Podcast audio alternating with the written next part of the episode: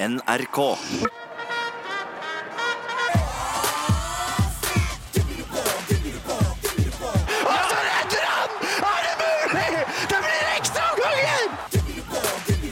Timeout. En håndballpodkast fra NRK Sport.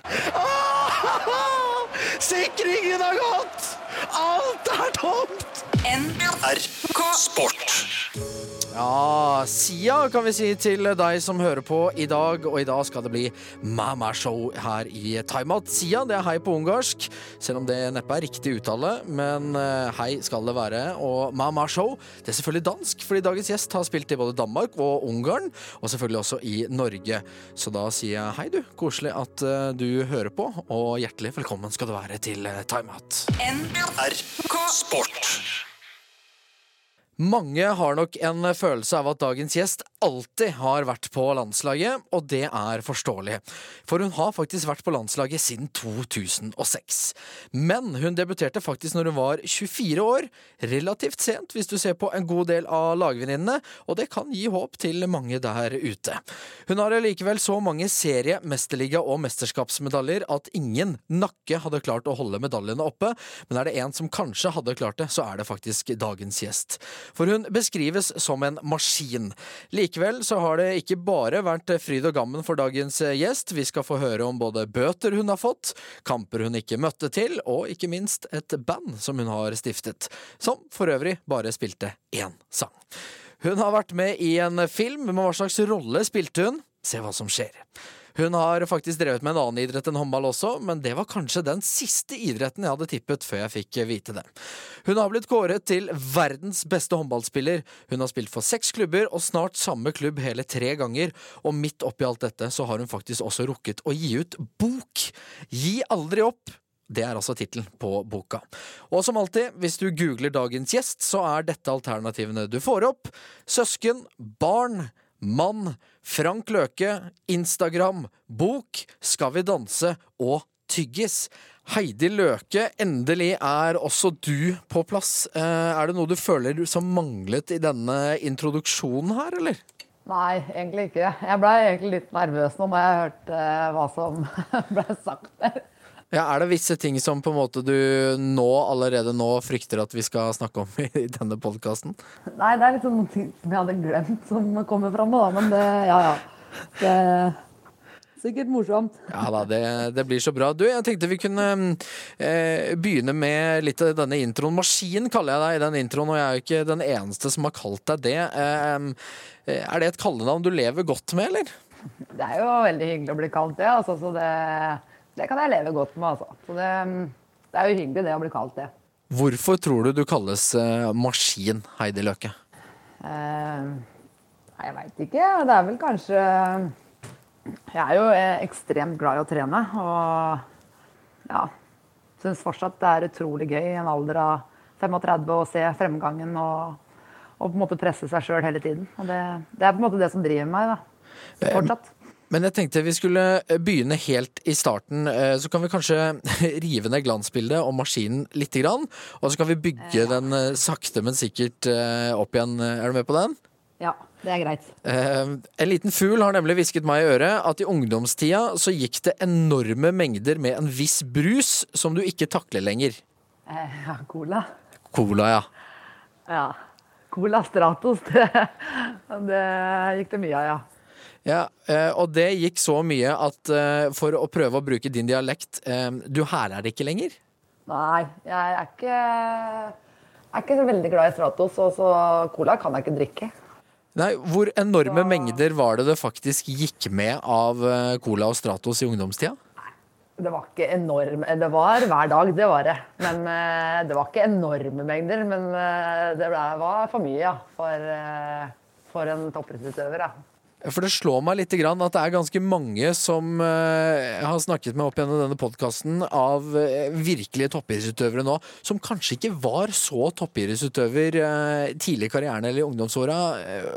Hvordan var ditt toppidrettsliv i alder typ 16 til 18 eller 14 til 18?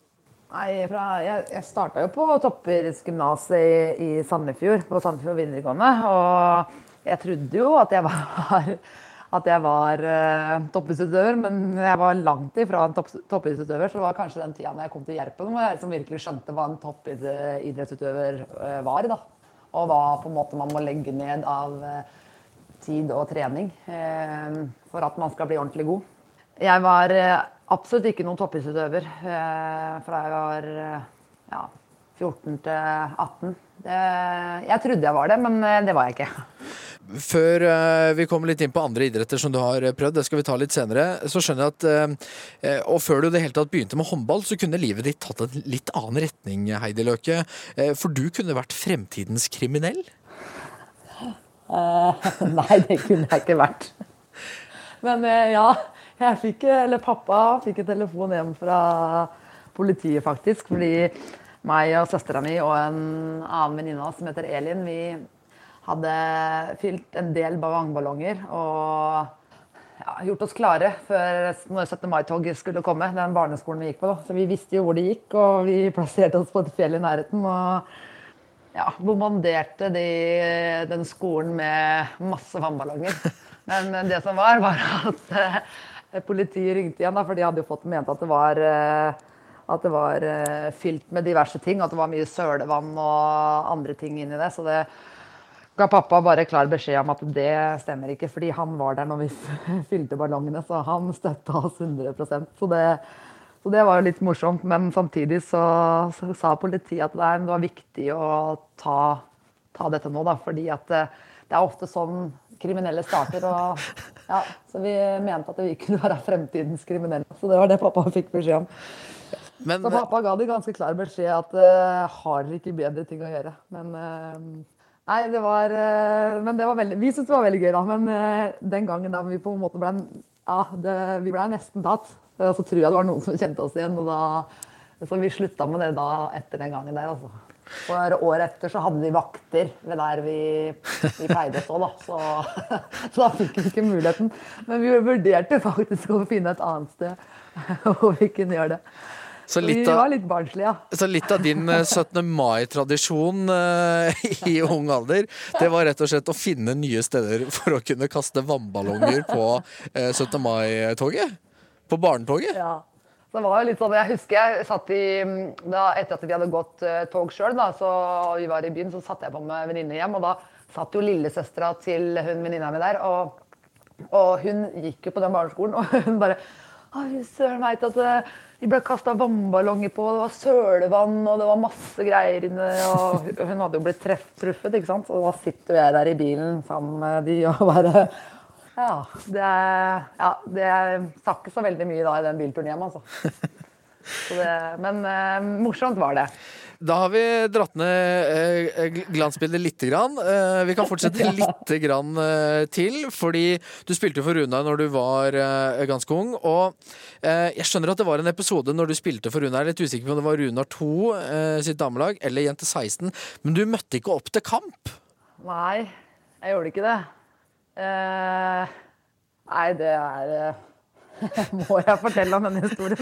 Ja, altså det er, det er, dine gode venner, holdt jeg på å si, som ja. har fortalt. Jeg lurer på, uh, Hva skjedde? Hvorfor møtte du ikke opp til kamp? Altså, du kom jo til slutt, etter hva jeg skjønte? Ja, jeg kom til slutt. Men det er det som var, vi hadde vært øh, Ja. en tur ute, da. Det er jo ikke akkurat kjempeprofesjonelt å gjøre det dagen før en kamp. Men ja, vi var unge og dumme, vi får, vi får si det. Og, og, da hadde jeg drømt da, i løpet av den natta at, eh, at uh, treneren min hadde ringt meg uh, og sagt at ikke det ble kamp. så, så, når hun venninna mi ringte meg da, fra hallen og sier, spør lurer på hvor jeg er hen, så sier jeg nei, det blir ikke noe kamp i dag. For treneren ringte meg i stad og sa at ikke det ble noe kamp. Så, så hun bare er du helt dum, eller det vi, vi, holder på å varme opp, så uh, du må bare komme deg opp med en gang. Så jeg kom jo direkte til kamp, jeg. Så, men det gikk heldigvis bra, da. Så, men det var én gang og aldri mer, så det skal sies, altså. Så ja. Men, det, jo, men gjorde det det, Heidi? Gikk det heldigvis bra? For jeg skjønner at uh, etter tre... Nei, vi vant kampen, da. ja, men etter tre minutter så måtte du forlate banen, har jeg fått høre. Åh, det er noen som man eh, Som jeg vet at du ikke burde ha prata med, hører jeg. Ja, nei, men eh, det er lov å, å måtte bli litt, litt grann dårlig. Og som du sier, du vant jo kampen, og da har vi på en måte liksom tatt deg litt grann ned, og så skal vi jo egentlig bruke resten Ja, av jeg føler at dere drar meg ganske langt ned her nå. Det her er ikke noe jeg er veldig stolt av. Det, Men nå skal vi jo egentlig bruke resten av podkasten på å stort sett bare dra deg langt, langt opp igjen. Ehm, så vi kan, eh, vi kan gjøre som eh, som, eh, som, som du gjør. Eh, Vi skal bevege oss videre. Ikke like raskt som når du kjørte intervalløkt da jeg var med på det i Ungarn, for det, det orker jeg ikke. Men, men vi kan ta en liten timeout. Det, det kan vi klare. NRK Sport. Ja, jeg har jo snakket da med din gode venninne Anja Hammerseng Edin, og hun skryter veldig av det hun kaller din mental utholdenhet. Eh, Hvordan var det for deg å vente på sjansen på å liksom få sjansen på landslaget? Ehm, jeg har jo egentlig vært alltid veldig realistisk i forhold til min egen prestasjon, og jeg visste jo på en måte når jeg var 18 år, eh, så var jeg jo langt ifra god nok. Jeg har jo aldri hatt en eneste juniorlandskamp eller rekruttkamp eller noe sånt noe, så ehm, så det var jo på en måte da jeg var 18 år og jeg reiste Gjerpen, hvor jeg på en måte virkelig skjønte eh, hva som måtte til. da. Og da fra 18 til 20 så hadde jeg jo en ekstrem eh, fremgang. Og jeg har på en måte brukt tester egentlig hele veien fra jeg var 18 eh, og fram til dags dato eh, på å måle fremgangen min. da, Jeg har teste meg selv. Og, mm, og jeg var jo veldig sånn eh, Da jeg var 20 og skjønte at eh, Når jeg fikk den ekstreme fremgangen som jeg fikk, da, og da eh, ville jeg på en måte bare presse meg enda mer. Og jeg ville jo Jeg forhørte meg med, med han fysisk treneren vi hadde, han Tom Morten Svendsen. Han er jo med i landslaget litt nå. og han ja, Norge har jo vært det beste landslaget i mange år og hatt de beste spillerne, så jeg var jo veldig interessert i å høre på testresultatene til de spillerne som var der. Og Gro Hammerseng var jo en av de som var best på beat-test og styrketester og diverse. Så, så fikk jeg jo testresultatene hennes, og det var jo på en måte målet mitt, hvor jeg skulle liksom Eller hvor jeg skulle heve meg over det, da. Eller til å trene meg opp til å bli enda bedre enn det. Så, Så, så du i ganske tidlig alder så hadde du på en måte et, et håp om liksom Eller du hadde et mål å følge, da. Du hadde Gro Hammerseng Edin sine eh, testresultater og på en måte eh, sette som et, et overordnet mål for deg, da. ja, for at jeg så at den fysiske formen Jeg merka det på meg. Det var, sånn, det var ekstremt ikke, Jeg kan ikke si lett, men jeg merka den ekstreme fremgangen som jeg hadde på de to åra der. Eh, og jeg løper jo de samme intervallene den dag i dag, fordi at jeg merker at det fungerer så bra for meg. da. Det er jo ikke sikkert det gjør det for andre, men, men for meg så har det funka veldig bra. Og jeg har, også med han til Morten, som eh, var i Gjerpen da, han vi, vi testa ut veldig mye forskjellig og veldig mye mengde på både, på både intervaller og styrke. Så men det ga meg en ekstrem fremgang, og det har på en måte gjort at eh, Ja, det er det som på en måte driver meg den dag i dag, da. Men i forhold til landslaget, da, så var jeg ikke god nok. Det var, det var gode, fantastisk gode strekspillere som var foran meg der, som hadde, som hadde spilt bra. Og, så jeg syns jo på en måte den ja, jeg, kom, jeg var jo med på noen samlinger i 2004 òg. men det var bare sånne treningssamlinger uh, uten kamper. Men hver gang det var sånn kampsamlinger, så var jeg jo ikke med. Men du snakket om eh, den eh, unge spilleren du var. Da var du dårligst på laget, som du sa. Når var det du på en måte begynte å merke at du begynte å ta igjen eh, de andre? Når var det du begynte å se progresjonen? Når var det på en måte eh, For det, kanskje kan du ikke kalles et talent, da, men du kan kalles et, et, et ganske sykt treningstalent? Ja, det tror jeg. Men jeg, jeg merker Jeg var jo veldig glad i å trene. Og det, som jeg sa tidligere, jeg var veldig glad i å prøve eh, ulike eh, typer idretter òg. Og jeg har, tror jeg har prøvd alt som er å prøve. Så, så det syns jeg og mamma og pappa må ha vært veldig tålmodige med meg, for jeg ville jo prøve alt. Eh, men eh, jeg syns jo det var, var bra, fordi at Eh, Sånn som med håndballen, den ble jeg, ble jeg jo ikke lei av. Og syntes det var veldig gøy. Og ja, jeg starta jo da jeg var ti, og jeg husker jo eh, det, Vi hadde jo to spillere som, var- som utmerka seg spesielt på laget. Og jeg husker jo faren hennes kom faktisk til meg, da var jeg tolv år, og sa til meg etter en eh, kamp og sa, vet du, Heidi, du er den spilleren som har hatt størst utvikling fra du var 10 til 12 år. Det er utrolig gøy å se deg nå, sa han. Og det husker jeg liksom den kommentar der. Jeg faktisk liksom tenkt på mye hvor mye den betydde for meg. da, At det faktisk eh, pappaen til den beste på laget eh, Ja.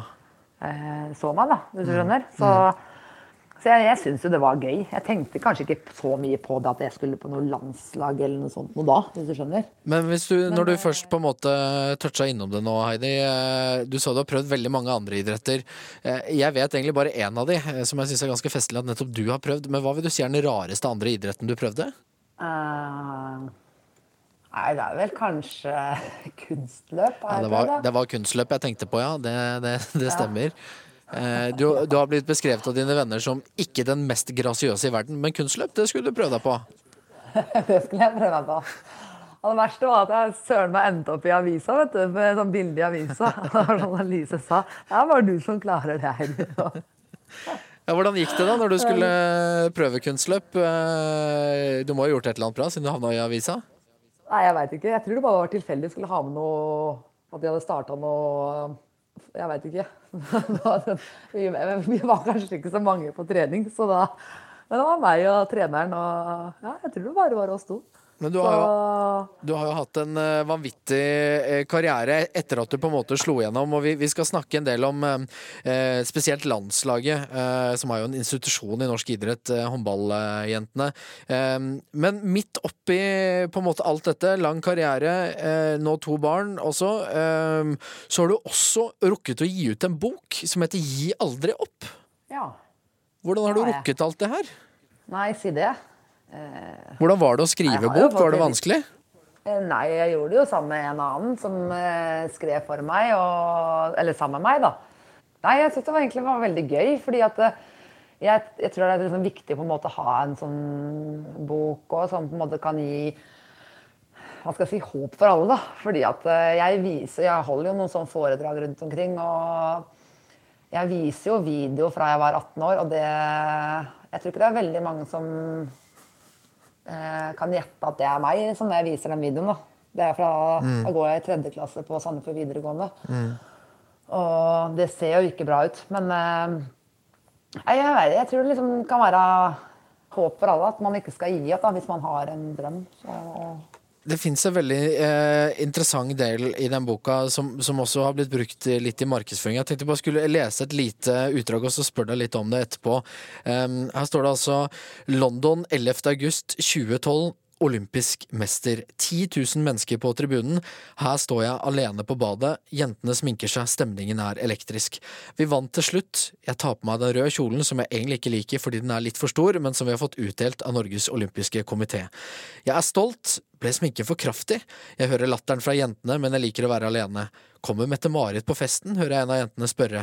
Plutselig er det helt stille, og jeg er tilbake til en annen tid. Jeg er i en garderobe i Tyskland i 2001, i Lübeck. Idrettslinja på videregående er på skoletur. Jeg, en jente som få trodde på, jeg som satt på benken på Jenter 12. Jeg tenker på pappa som hadde tre jobber for at vi syv skulle ha det bra. Jeg tenker på mamma som alltid var der. Jeg tenker på de siste ti minuttene i Lübeck på denne kampen uten tilskuere. Kanskje var det her jeg bestemte meg. Kanskje var det her jeg ble noe mer enn søstera til Frank. Har det vært eh, Jeg syns det er veldig sterkt og, og bra beskrevet å skrive. Har det på en måte vært veldig eh, vanskelig eller viktig for deg det å, å komme seg ut av kanskje Franks skygge, på en måte? ja, nå er jeg jo litt usikker på om at jeg er kanskje tilbake i den skyggen. da. Det er sånn når jeg kommer på kamper nå, så er det sånn Så skal de ta bilde av meg, så bare 'Hils til action, Frank', da! Så er det Ja, ja, jeg sier det. Nei, Frank mente jo det, da, for at det, er det som er Jeg blei jo alltid sammenligna med Frank, og det syns jo jeg var kjempepositivt sånn, eh, sånn eh, på banen. Eh, For vi har jo veldig lik spillestil. Så jeg fikk jo alltid spørsmålet om er du søstera til Frank Løke. Ja, du, eh, det kan vi se, ikke sant. Og det, jeg syns jo det var noe eh, positivt, fordi jeg syns at Frank var veldig god. og jeg så jo veldig mye på han. Jeg bonde jo i Runedalen og, og så på ja, veldig mange av treningene deres og kamp, alle kampene deres. Så, så jeg så jo hva han gjorde. Det var jo sånn når han skada skuldra si og teipa den eh, høyrearmen på ryggen eh, og begynte å kaste med venstre, så tenkte jeg det der er lurt. Det, det vil jeg også. Det var jo som jeg tok jo etter han. Og så Jeg husker han spilte med sånn pannebånd og liksom håret løst med pannebånd. Og det skulle jeg også gjøre. Så det var jo noen ting som ikke var bra, selvfølgelig. Men eh, ja, vi, vi har tulla faktisk en del med det, hvor jeg på en måte eh, Hvor Frank i seinere tid han var på er ikke, du, er ikke du han søstera til Heidi Løka? Så han, er jo litt sånn, så han har på en måte fått litt tilbake igjen, da. Men nå, så faktisk forrige uke, så sa han til meg at vet du, Heidi, nå Han hadde lest i Østlandsposten, sa han, at, uh, at, eh, at har, nei, Frank har også en søster, Heidi Løk, som spiller også håndball. Han mente at, liksom, at jeg var eh, Nå var jeg liksom tilbake i skyggen hans, da. Så sa jeg at ok, du får vise meg svart på hvitt hvor det står, for det har ikke jeg. Så jeg mener fortsatt at det er han som er i skyggen av meg. Altså. Men hvis du ser litt bort fra Frank nå, sånn som ting har vært nå i det siste, eh, har det vært viktig å på en måte ha en å gjøre de samme tingene som i ungdomstida? Jeg- Jeg går ut fra at du ikke har, har tenkt å gjøre akkurat alle de samme tingene som Frank har gjort etter karrieren? Nei, det, du kommer ikke til å få se meg i noe Borat-drakt. Altså det, det gjør du ikke. Men, eh, men eh, absolutt. Når eh, det, Jeg syns jo han har vært eh, en av de beste linjespillerne i verden. Og jeg syns det var utrolig gøy å se på han. Og jeg tok etter ham på alt. Så, eh, og jeg har lært veldig mye av han Mm. banen. Så det Ja. Vi snakket jo litt om eh, i eh, starten her da vi snakket litt om talentet, at du kanskje ikke var eh, på en måte største talent i ung alder. Men hvor viktig har det for, vært for deg eh, i løpet av din karriere å se andre mennesker og andre håndballspillere, og ikke bare se et talent eller ikke-talent? Det er kanskje en av liksom, grunnene til at jeg har sånn håndballskole òg. Jeg som jeg har eh, hvert år i Oslo, i Bjørnholthallen. Og, og jeg syns det er utrolig inspirerende å, å se unge spillere da, eh, som har lyst til å bli gode, og som ønsker å gjøre noe med det. Og det, og det er sånn, Barn utvikler seg veldig forskjellig. Jeg var kjempeseint utvikla på alt. Liksom, jeg kom kjempeseint i puberteten. Eh, ja, det var eh, Så jeg, jeg tror liksom det har noe med det å gjøre òg, at jeg kom seint i gang, da. Og, så det er liksom sånn Jeg syns det er liksom litt sånn farlig på en måte da, å utelukke eh, unge eh, spillere tidlig, da. At man Fordi, ja Som sagt, jeg ble ikke god før jeg ble 24 år, liksom. Eller ja, fra 20 til 24, da. Eh, Du har jo kommet utrolig langt eh, i din karriere, Heidi, og du må jo kunne nå kalles en stjerne på håndballhimmelen, men jeg forstår fra din nærmeste at du er veldig opptatt av det å ta vare på alle rundt deg. Jeg skjønner blant annet at du, du ga fra deg en Gyør-drakt, eh, som du vel vant mesterligagull med, til, til en av de frivillige i Gjør. Ja, nei, vet du det var faktisk OL-drakta fra Rio nå. Ja. Ehm, det var ehm, eh, Men jeg har gitt bort alle de andre Champions League-draktene og alt sånn òg til eh, hundrevis av Gjør-fans. Nei, ikke hundrevis, da, men mange. Så jeg tror jeg faktisk har gått mi i minus også, det må jeg si, på det, på det draktkjøp. Men, men eh, i forhold til den OL-drakta, der tenkte jeg liksom at hvem skal jeg gi den til? Og der har vi en sånn Hva skal jeg si eh, De sitter i porten med en gang vi kommer inn, eh, inn i hallen i Gjør. Eh, som åpner hvis de har nøkkel, skal ha nøkkel til garderoben, nøkkel til styrkerommet og sånt noe. Og han er alltid så blid og glad, og han snakker ikke engelsk. Men vi har kommunisert på vårt språk, litt ungarsk, litt sånn ja.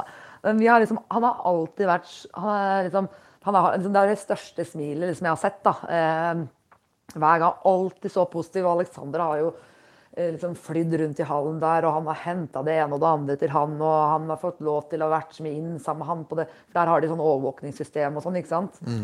Og, og tenkte jeg, vet du hva, han skal jeg gi den til, for han, den jobben han gjør, og jeg tenker liksom at det kan kanskje noe han setter pris på, da.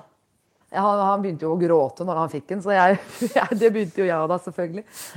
Så det er jo sånne ting som betyr veldig mye for meg, da. Å gjøre andre mennesker glad. Det er øh, kanskje øh, Det er kanskje på en måte en liten gest fra, fra deg, men det, det, betyr enormt mye for, øh, for mange mennesker. Så det syns jeg var fint å høre om. Vi skal ta en liten timeout, vi, før vi dukker opp med et nytt tema. NRK Sport.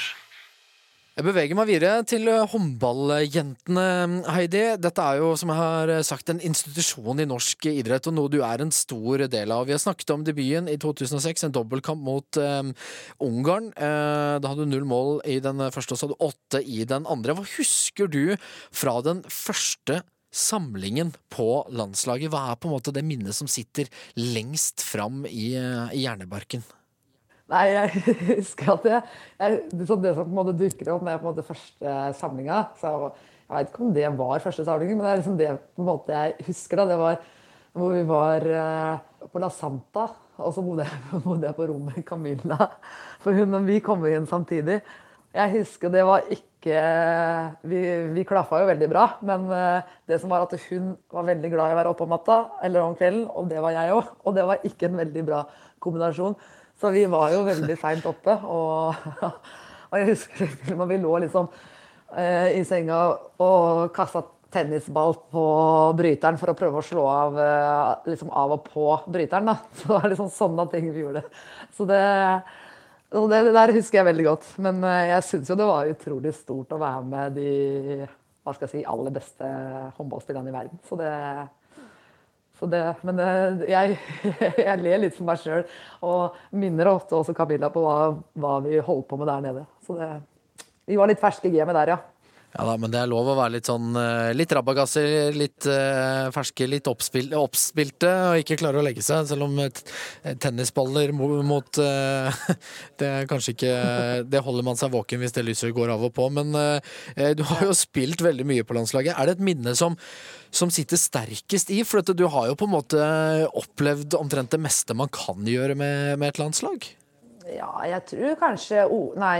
Um, mitt første gull i 2008 i, jeg vant EM i Makedonia. Det er nok kanskje det aller største. Litt på grunn av uh, veien som jeg hadde inn der, på en måte hvor jeg ikke var noe spesielt god når jeg var, var ung. og på en måte aldri vært på noe junior-, ungdom- eller rekruttlandslag. Og ja, har jo Man har jo også fått hørt at man er eh, Tidligere så skulle man jo ha strekspilleren som var 1,80 høy og, og, stående, men jeg fikk jo også høre at jeg var eh, for lav for å være strekspiller. Mm. Og, og, veldig mange hadde avskrevet meg som håndballspiller når jeg fikk barn i 2007. Så jeg tror kanskje det det gullet der eh, står aller høyest. Mm. Tett selvfølgelig etterfulgt av eh, OL-gull i London, for det også var jo fantastisk gøy å være med ja, for, for OL-gullet i London, eh, det, det, har jeg skjønt at det var en spesiell opplevelse å være med på? Ja, det var det. For da alt det gikk litt sånn trått, og vi Ja. Øh, vi visste jo at vi kunne, og det var mange som på en måte Ja, det blei en del sånn negative skriverier om oss, og det var, ja, det var mye greier, husker jeg. Men så når vi vant den kampen mot Brasil der, så bare visste jeg det, at vi kom til å vinne. For da følte jeg at nå løsna det. Så det var Nei, det var Kunne ikke bli gjort på en bedre måte, altså.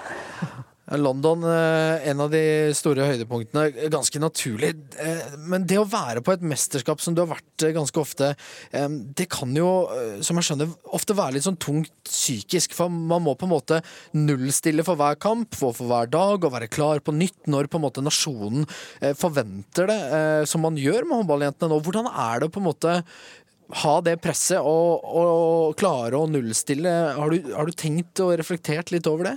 Uh, Vet du hva, Jeg tenker egentlig ikke så veldig mye på det presset hjemmefra og sånne ting. Jeg uh, gleder meg til hvert eneste mesterskap ja, og tenker at man skal liksom bare gjøre sitt beste. Og jeg, vi er jo forberedt oss alltid veldig godt, og vi er et godt, ja, uh, godt trent landslag. Og jeg veit at ok, vi har hatt noen åpningskamper som ikke har vært veldig bra, men så veit jeg at vi har eh, alltid stigning. Og ofte når andre lag blir trøtte, så er vi bare ja, bedre og bedre. Så jeg veit ikke. Jeg, jeg har egentlig ikke kjent så veldig mye på det presset altså, fra folk rundt.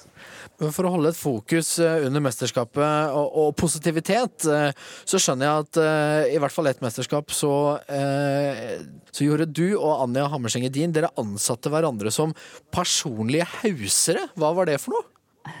ja, ja vi, var, vi, bodde jo på rom sammen, og det var Nei, det var utrolig gøy. Vi hadde så mye gøy sammen. Og vi dreiv jo og tulla veldig mye med de andre òg. Og vi tenkte kanskje vi drar det litt langt, men Torer var jo veldig på at han syntes at det skal være litt mer eh, tull. da. Så, så det er jo positivt, for han, han tåler jo en spøk. Så vi dreiv og vi dreiv og spøkte med ganske mange, mange der, ja. Ja, for jeg skjønner at på et tidspunkt her, eh, Heidi, så eh, mottok Torir et brev fra hotelldirektøren eh, på hotellet dere bodde på? Ja, det var vel Han hadde fått noe bot for eh, et eller annet i det mesterskapet der. Det var jo i 2012. Så fikk vi, vi fikk bot for alt. Det var i Serbia. Eh, det var uansett hva vi gjorde. Om vi gikk inn en dør, eh, feil dør, så i, i, i hallen så fikk vi jo ja, masse bot. Så eh, vi hadde hengt opp noen sånn dørskilt, det fikk vi også bot for. Og nei, det var masse. Jeg tror vi fikk, vi fikk bøter for alt. Så vi tulla jo også med han, eh, han legen vår, hvor han, eh, han eh, Før hver kamp så viser han sånn peace-tegn når han blir ropt opp, da. Så vi, Anja fikk jo med seg Grete Ingels, hun teamadministratoren vår, til å ordne et sånt ordentlig papir da, fra det var fra IOF Nei, fra IOF eller Nei, jeg husker ikke. Men det var i hvert fall noen ordentlig sånn eh, offisielt papir, da, ikke sant? Og fra arrangøren. Og, og, da hadde vi liksom sagt at det var liksom usportslig opptreden av hva han holdt på med. Og at han fikk 2000 sveiser fra, fra, eh, ja, fra i, i, bot. Og han var jo helt fra seg, stakkars, når han ble, fikk mottatt det brevet her, da. Så Nei, det, det, Vi ler ofte av det. Han, han, måtte jo stå og forklare dette her til Torer. ikke sant? For at han hadde fått så mye i bot. da, ikke sant? Og han visste jo ikke hvordan han, Så vi skulle jo felles ut og spise med laget. Og da når jeg setter meg ned rundt bordet, så ser jeg at han eh, Nils, da, som, som er legemann, han gikk bort til Torer og skulle begynne å, begynne å vise ham brevet og forklare liksom hva som hadde skjedd. da, Hvorfor han har fått så mye og da tar jeg opp kameraet og filmer denne episoden her. ikke sant? Og det Nei, det var utro å se han står der og, og vise hva han pleier å gjøre før kamp. Og, sånt. og så hadde vi heldigvis snakka med Toril på forhånd, og han var jo helt med på spøken. Han bare Ja, ja, godt at du har lege. Du tjener jo godt, så det får du bare betale sjøl, liksom. Så Nei, vi hadde masse morsomt. Og Så skrudde vi ned TV-en på rommet til eh, til fysen vår, for han er, jo, han er, jo, veldig glad i å trylle. Så vi hang opp en tryllestav da, på veggen der. Skrudde vi ned TV-en, og så Altså, og han, fikk, han fikk et brev fra hotellet på at hvis dere ønsker å skru ned ting fra veggen, så må dere kontakte hotellet. For det, det var det vi som hadde gjort. ikke sant? Så nei, det var mye greier vi gjorde. Men uh, jeg tror Tore de syntes det var veldig morsomt. da. Ja, for, Han vil jo gjerne ha mer av det. Ja, for, eh, men uh, du nevnte bare så vidt der at dere fikk bot uh, bl.a. for å på en måte henge opp bilder av hvem som bodde på rommet. Men det er kanskje ikke så rart at akkurat du og, og Anja fikk bot for det. Hva slags, hva slags bilde var det egentlig som hang på utsiden av deres dør? Nei, vi hadde jo ikke lagd noe dørskilt hjemme, så vi hadde jo tenkt ja, hva skal vi gjøre? Så gikk vi i butikken, så fant vi Vi fant jo ikke så veldig mye. Så så vi sånn, hva skal jeg si, kalle det for sånn lettkledd eh, dameblad, eller manneblad, må man vel si at det er. Ja. Og så og da fant vi en blond dame og en, eh, en blond lettkledd dame og en, en lettkledd brunette. Og så var det eh, Så sto det Edino Bitch og Løkovic. på, på, på skipet. Så det var kanskje ikke så rart. Men det var ikke, var ikke veldig upassende, altså. Men det var kanskje litt, da. Men uh, som du Jeg skjønner tror, jeg eh, tror de mannfolka det som var, var at det, noen av de mannfolka som var der, de gikk jo fram og tilbake der. Nei da. Men som du skjønner, Heidi, jeg har jo snakket med noen av dine eh, nærmeste, tidligere lagvenninner og litt forskjellig.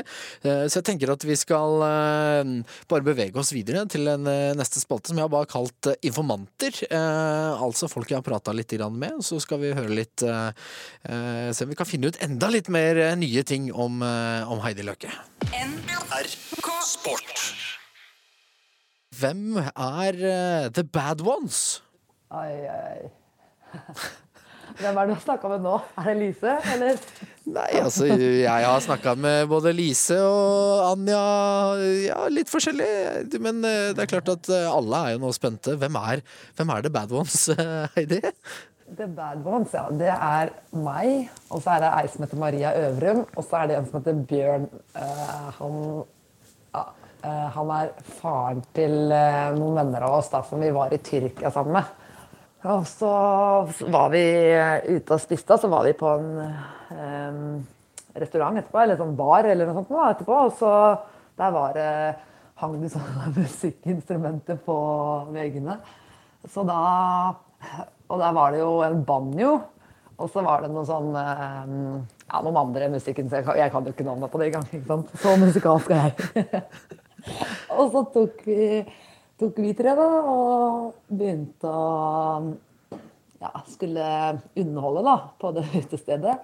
Og ja, vi, vi kunne jo ikke så veldig mange sanger, så vi måtte liksom finne ut hvem sang vi skulle eh, synge. Og det endte med at vi sang den, den eh, From Paris to Berlin and every disco I go in. Og så eh, Ja, altså, vi kunne jo ikke så veldig mye av den sangen heller. Så det var jo litt sånn sånn Ja, det gikk jo på en måte på repeat. Eh, og, så, og så var det jo sånn at vi drev og utfordra hverandre, da, ikke sant. Så vi tre eh, Og så var det jo noen andre der òg som på en måte, ja, gå bort til det bordet der. Nei, det var ikke det. Det var noen som sa det. Ja, det var noen av de på det andre bordet som lurte på om dere kunne komme bort og spille. Vi bare Hæ, tuller du? Ja ja, ok, vi går bort. Og så begynte vi, da. De var, jeg satt der jo da sjokkert, ikke sant. Og så Vi holdt på jo mange timer. mange, sånn dere holdt på i mange timer? Ja, ja. Vi hadde en liten, en liten pause innimellom, da. Men, eh, men så til liksom, mot slutten av kvelden da, så da sto vi fortsatt og sang, da. Eh, eller trodde vi sang, da. Og så, og så, så roper jeg da 'Er det noen som har noen ønsker?' roper jeg da, en gang Og så bare kommer det fra noen svensker bare 'Ja, sett dere ned!' Og vi bare Og vi bare Nei, nei, de gidder vi ikke å høre på. Og vi fortsatte å spille, da. ikke sant? Og så, nei, så vi har sagt at vi må ha snart en sånn reunion av The Bad Ones. Så det Det- kommer, kanskje. Det er mange historier. Jeg, jeg, jeg, jeg trodde jeg skulle høre om eh, Heidi Løke, men, eh, men eh, historien om The Bad Ones, den, den, den var bedre enn jeg trodde. Det var meget, meget bra. Ja. Eh, vi kan jo bare bevege oss videre på eh, disse informantspørsmålene. Altså dine, dine gode venner. Kanskje ikke du kaller de venner etter det her, men eh, det kan Nei, vi se. jeg vet ikke. Vi får, vi får ta en evaluering av det etterpå, tror jeg. Eh, du, Heidi, hva står det på dåpsattesten din? Oi. Ja, det Eh, Der står det Heidi Løke. Ja, men eh, du, du, du prøvde å få det til å stå noe annet, eller? Ja, jeg gjorde det. Eh, For vi drev og snakka om noe sånn noen dobbeltnavn. Eh, Så sa jeg Det var på Sandefjord videregående. Og så sa jeg jeg har dobbeltnavn, sa jeg. Det var jo bare for å tulle, da. Og så ja, Hva heter du da? Så jeg bare Nei, jeg heter Heidi Sigrid Løke. De bare Hæ, nei, det trodde du ikke noe på. Så jeg bare Jo, jeg gjør det. Og så Jeg har jo mange eh, brødre som er flinke til diverse ting, så jeg fikk jo en av brødrene mine til å hjelpe meg. da, Så fikk ordna på dåpsattesten, så fikk jeg en på mellomnavn. Sigrid. Så tok jeg med den på skolen, og så Ja, da trodde vi på meg det. Så når jeg sa etterpå at jeg bare tulla, så de bare meg, meg. Så da, så ble det at jeg het Heidi Sigrid. Så det var flere som kalte meg for Sigrid. Så, Ja, men det, det, det, bra. Det er bra. Jeg heter bare Heidi Løke, ja. Ja, du heter bare Heidi Løke, ja. Eh, eh, fra nå når jeg kommenterer, så skal jeg bare begynne å si eh, Og så da innspill! Heidi! Sigrid Løke! ja. Du, eh, hvorfor har du alltid bærepose med på trening? Eh, nei, jeg vet ikke. Det er veldig enkelt, da. Ja, jeg, jeg, det jeg, altså, jeg vet ikke hvorfor du har med. Jeg har bare fått beskjed om å spørre. Jeg ikke, liker bærepose. Jeg syns det er litt sånn Det er som, det er jo ingen som liker bæreposer. Det må jo være en grunn til at du har med deg bærepose på trening. Det er vel sikkert går i hva skal jeg si, i arven. Eller det er vel eh, fra Pappa har vært veldig glad i å bære, eller bruke bærepose, og jeg bruker bærepose, og Lise bruker bærepose. Og... Nei, jeg veit ikke. Det har vært bare sånn enkelt. da. Det har vært sånn, Ta på seg sko og ting oppi der, liksom. Og så, og så alle bare Heidi, du kan kjøpe deg en bag. Eller du har jo bag. Du får jo bager hele tida. Ja, for jeg skulle til å si at du, du vet at eh, de har kommet opp med noe for noen år tilbake som het bag? Ja, men nå er jeg jo kjempeglad, for nå har vi jo fått Rema 1000 som sponsor i landslaget. Så nå kan jeg bruke Rema 1000-pose. Så, så nå er jeg bare kjempeglad, for da er ikke det noe problem lenger. Først var det sånn, nei, kan ikke ha pose fordi at det er feil sponsor. Ikke sant? Men Ja. Nå skal jeg handle på Rema 1000, så får jeg Rema 1000-poser, så kan jeg bruke de. Eh, å, dette dette syns jeg er så koselig. Eh, jeg, jeg skal bare fortsette, for jeg gleder meg til resten av tingene som jeg har fått beskjed om å spørre om her. Eh, jeg skjønner at du har vært med i en film. Eh, hvilken film var det? Hva slags rolle hadde du? Hvilken rolle var jeg ikke hadde, sier jeg bare. Jeg, filmen heter Bread and Circus. Han eldstebroren min, Morten, som har lagd. En gang til. eh, Hva, Åh. Bread and Circus? Ja, Altså som i brød og sirkus? Brød og sirkus, ja. Ok. Og Nei, hva slags roller hadde jeg da? Jeg, eh, jeg er en sånn utstøtt fra samfunnet. Jeg vet ikke hvordan jeg skal forklare det. Men eh, jeg står og gnager på et bein. ok. Eh, Dette vet jeg ingenting om. Dette er liksom ja, det, er sånn, det er en sånn svart komedie, da, kan man si. Ok. Og, så, og så er jeg også ja, hva, skal jeg, hva skal jeg Jeg vet ikke hva jeg skal si, men jeg kan si det, liksom. Det er, jeg blir i hvert fall skutt i puppene mine, da. Eh, hva, hva slags film er det her? Og så er jeg også alien, men uh, grunnen til at jeg er alien Jeg, jeg flyr et sånt romskip. Uh, grunnen til at jeg er den alienen, er fordi at eh, jeg var den eneste som hadde smalt nok ansikt til å passe inn i den maska. Så derfor er bare, ble jeg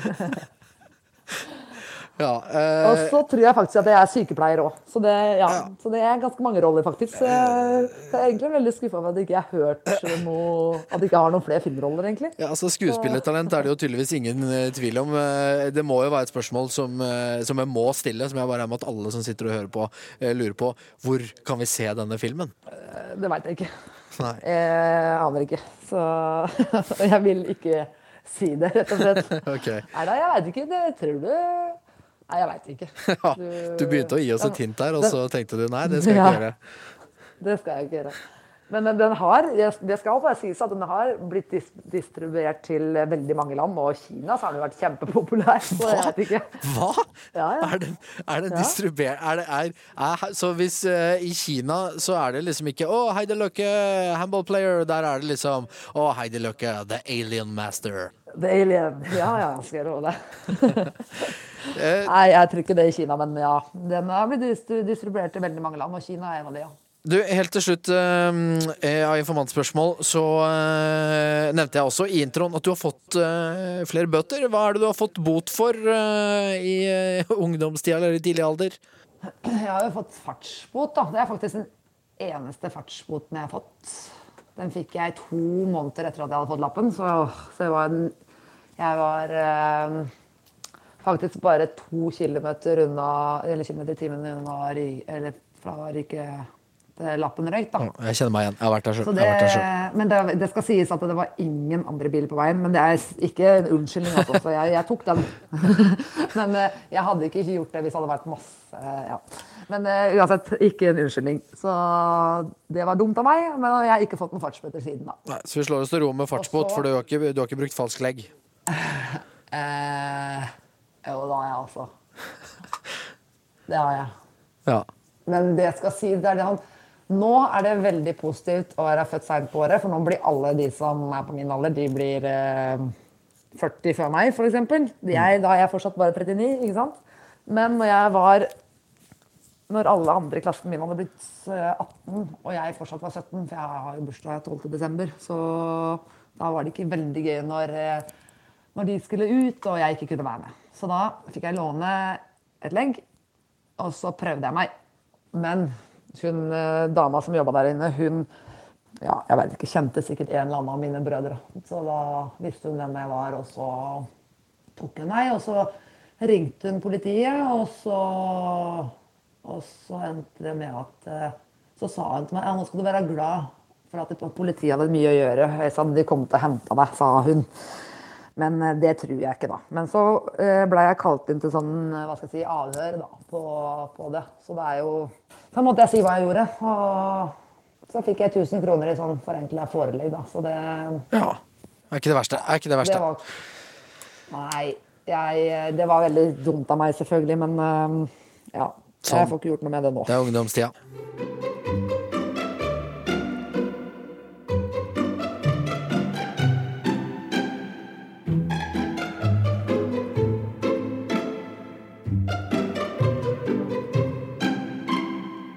Var ikke det koselig? Det var veldig koselig. Ja, det var veldig koselig. Som jeg har sagt så mange ganger før, så er det altså min finurlige eh, forklaring på hvorfor det heter min håndballfamilie. Det er eh, dette ordtaket, da. Fra Afrika, som det stammer fra. Eh, At det heter at man Det kreves en landsby for å oppdra et barn, og sånn tenker jeg det er med en håndballspiller også. Det man trenger gode egenskaper rundt seg for å bli best mulig selv. Så eh, hver gjest har eh, altså fått lov til å plukke ut seks egenskaper som eh, vi da parer med en håndballspiller. Og så skal vi da få eh, en førstesyver ut av det for eh, spilleren sjøl. Heidi Løke skal selvfølgelig også inn på dette laget. Eh, første egenskapen du har eh, valgt ut, Heidi. Hva er det, og hvem er det som utfyller den egenskapen? Nei, det er jo selvfølgelig Lise Løke, min eh, søster. Mm. Hun er med som eh, gledessprederen. Ja. Jeg burde vurdert om hun skulle være flaskebærer. Nei da, jeg bare tulla. Nei da, jeg bare tulla. Men uh, som gledessprederen, hun, er, hun har verdens beste humor. Hun, uh, hun støtter meg i alt og er uh, et fantastisk menneske. Og, ja, og i tillegg så er hun en utrolig god strekspiller og et fantastisk mottak. Og hun er sånn person som man ikke trenger å snakke man trenger ikke å snakke sammen for å forstå hva hun mener. Da. Så det, man kan bare se det på blikk. Eh, det det syns jeg er bra. Da får vi med litt familie, litt ordentlig familie faktisk også, rett inn, eh, Ja, ja. Rett inn på laget. Så det, det er veldig fint. Eh, og en ganske habil håndballspiller. Det er det som har passa veldig fint med, med akkurat denne spalten her. At de som har gode egenskaper, er ofte veldig gode håndballspillere òg, så det, blir ikke noe dårlig lag ut av dette. Um, skal vi ta neste egenskap? Hvilken egenskap har du valgt ut som du ønsker å ha med deg? Nei, det er, jeg har med det er en hærfører. En hærfører, og da er vi spente Ja. på hvem hærføreren er. Det er Gro Hammerseng Edin. Ja, det kunne man nesten gjetta seg fram til. Ja, det er eh, fordi hun er, hun er utrolig samlende. eh, Og hun går alltid foran i krigen. Og hun limer Forsvaret sammen. Hun eh, er, og er en kontringsspiller i verdensklasse. Og ikke minst et fantastisk menneske. Jeg syns det er mer enn eh, god nok eh, På en måte god nok beskrivelse for, eh, for å få med henne. Så hærføreren er på plass og tar plass sammen med humørsprederen. Hvem er, og hva er den tredje egenskapen? Det er eh, forbildet. Det er Anja Hammerseng Edin. Ja, får vi med begge to. Det er jo det er trivelig. Familie der òg. Ja.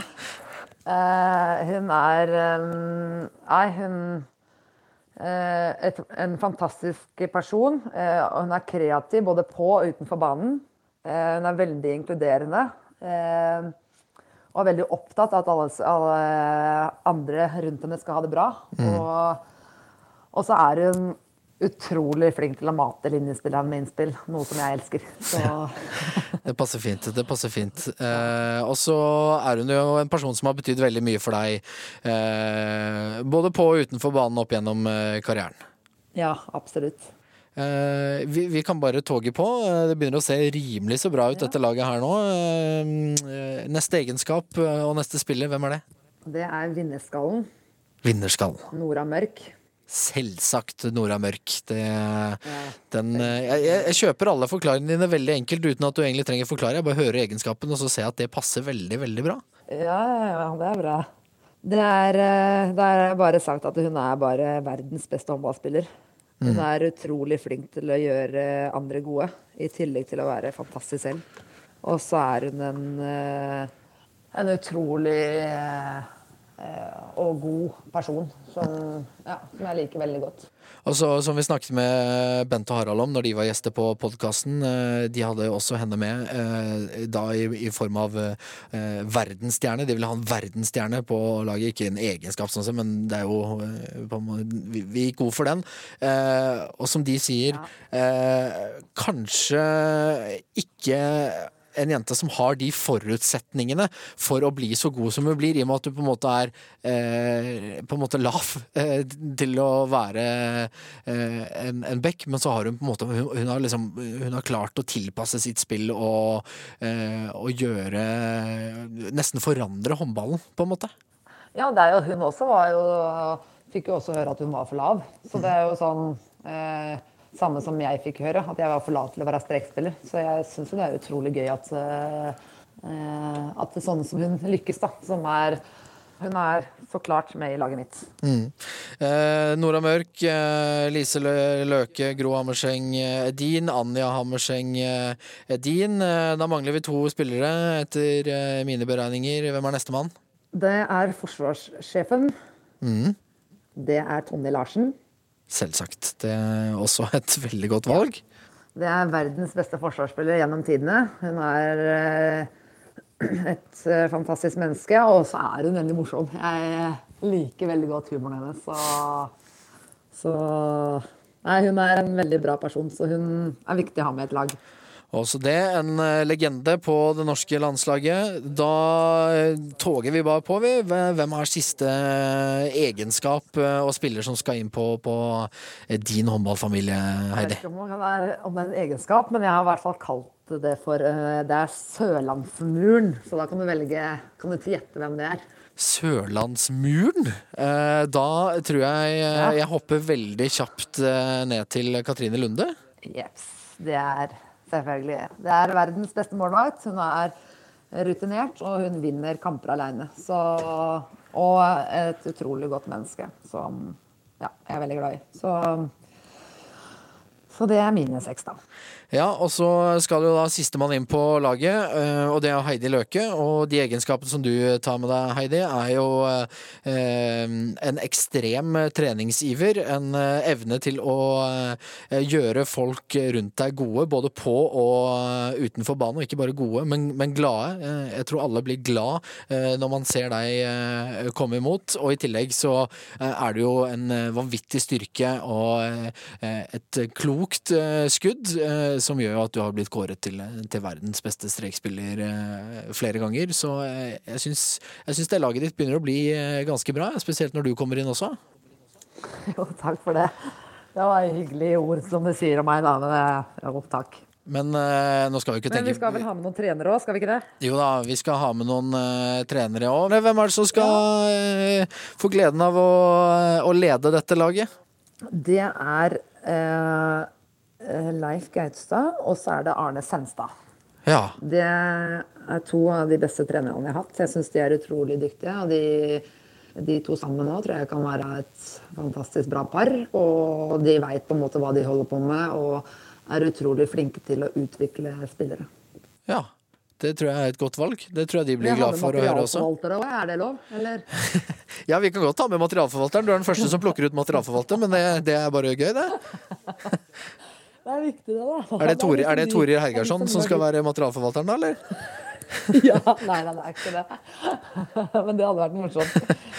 Nei, men vet du hva? Det er faktisk en utrolig viktig oppgave, fordi at uh, den gjør jo all drittjobben, hvis du skjønner hva jeg mener. Fylle flasker. Og komme med frukt og nøtter og skal sørge for at klisteret er på plass, og drakter er reine og alt. Det er ganske mye Jeg er, litt, jeg, jeg er litt spent på hvem du nå gir drittjobben, eh, bare så det er klart. Nei, for å si det sånn, da. Jeg, vi ble sinnssykt bortskjemt i Gjerpen med en som heter Tor Brekke. Vi kalte den bare for Brekkovic. Ehm, fordi han, etter at jeg har vært i Gjerpen i fem år, hvor han gjorde absolutt alt for oss, fylte vannflasker Vi hadde jo ikke med noen ting sjøl, for han gjorde absolutt alt for oss. Og ehm, når jeg kom til en ny klubb da, og måtte begynne å gjøre ting sjøl, da ble det litt sånn Oi, det, jeg glemte flaska hver trening. Jeg glemte ball. Skjønner du? Så det er sånn Vi blei jo bortskjemt, ikke sant. Så det Men han var fantastisk. Han gjorde alt for oss. Ja, men Så bra. Eh, det det syns jeg Det sier litt om deg også, som vi snakket om tidligere i podkasten. Du bryr deg om de menneskene rundt deg, de som eh, kanskje ikke er de som får mest oppmerksomhet. Her, her får vi med en materialforvalter. Det, som seg hør og bør. Du hadde ikke eh, Du hadde sikkert klart å ta med egen flaske, men du, du fikk det lettere pga. folk, både materialforvaltere og frivillige rundt, gjør sånn jobb i håndballmiljøet.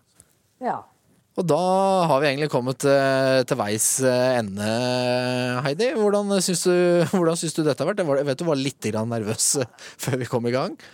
Ja, når jeg hørte den introen så ble jeg litt nervøs, men jeg syns det gikk veldig bra. Og så får jeg ikke håpe det blir store overskrifter av noe av de tingene jeg har sagt. Så Det satser vi på at det ikke blir. Og vi har faktisk vært innom alt i, i introen.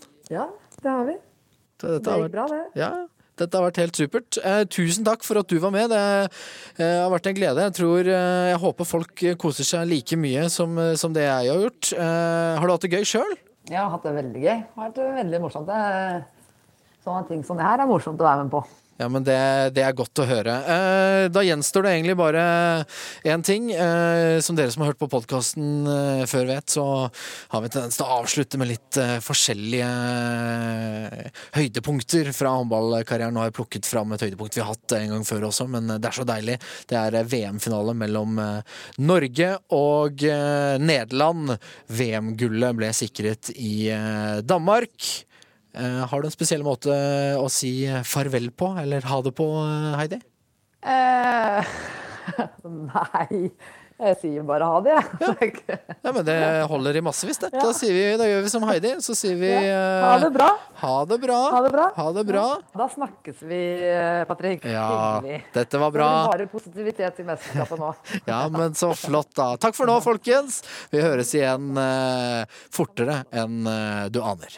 Brenner Oftedal tar med seg ballen om bort mot venstre. Krysser Kristiansen. Som går gjennom! Ah, som en eh, gresk gudinne så satser hun der, eh, Veronica Kristiansen. Og så rulles det ut til Stine Skogran på motsatt kant. Alt går hjem! Alt går hjem! Farvel, Nederland. Hvordan sier man ha det på nederlandsk?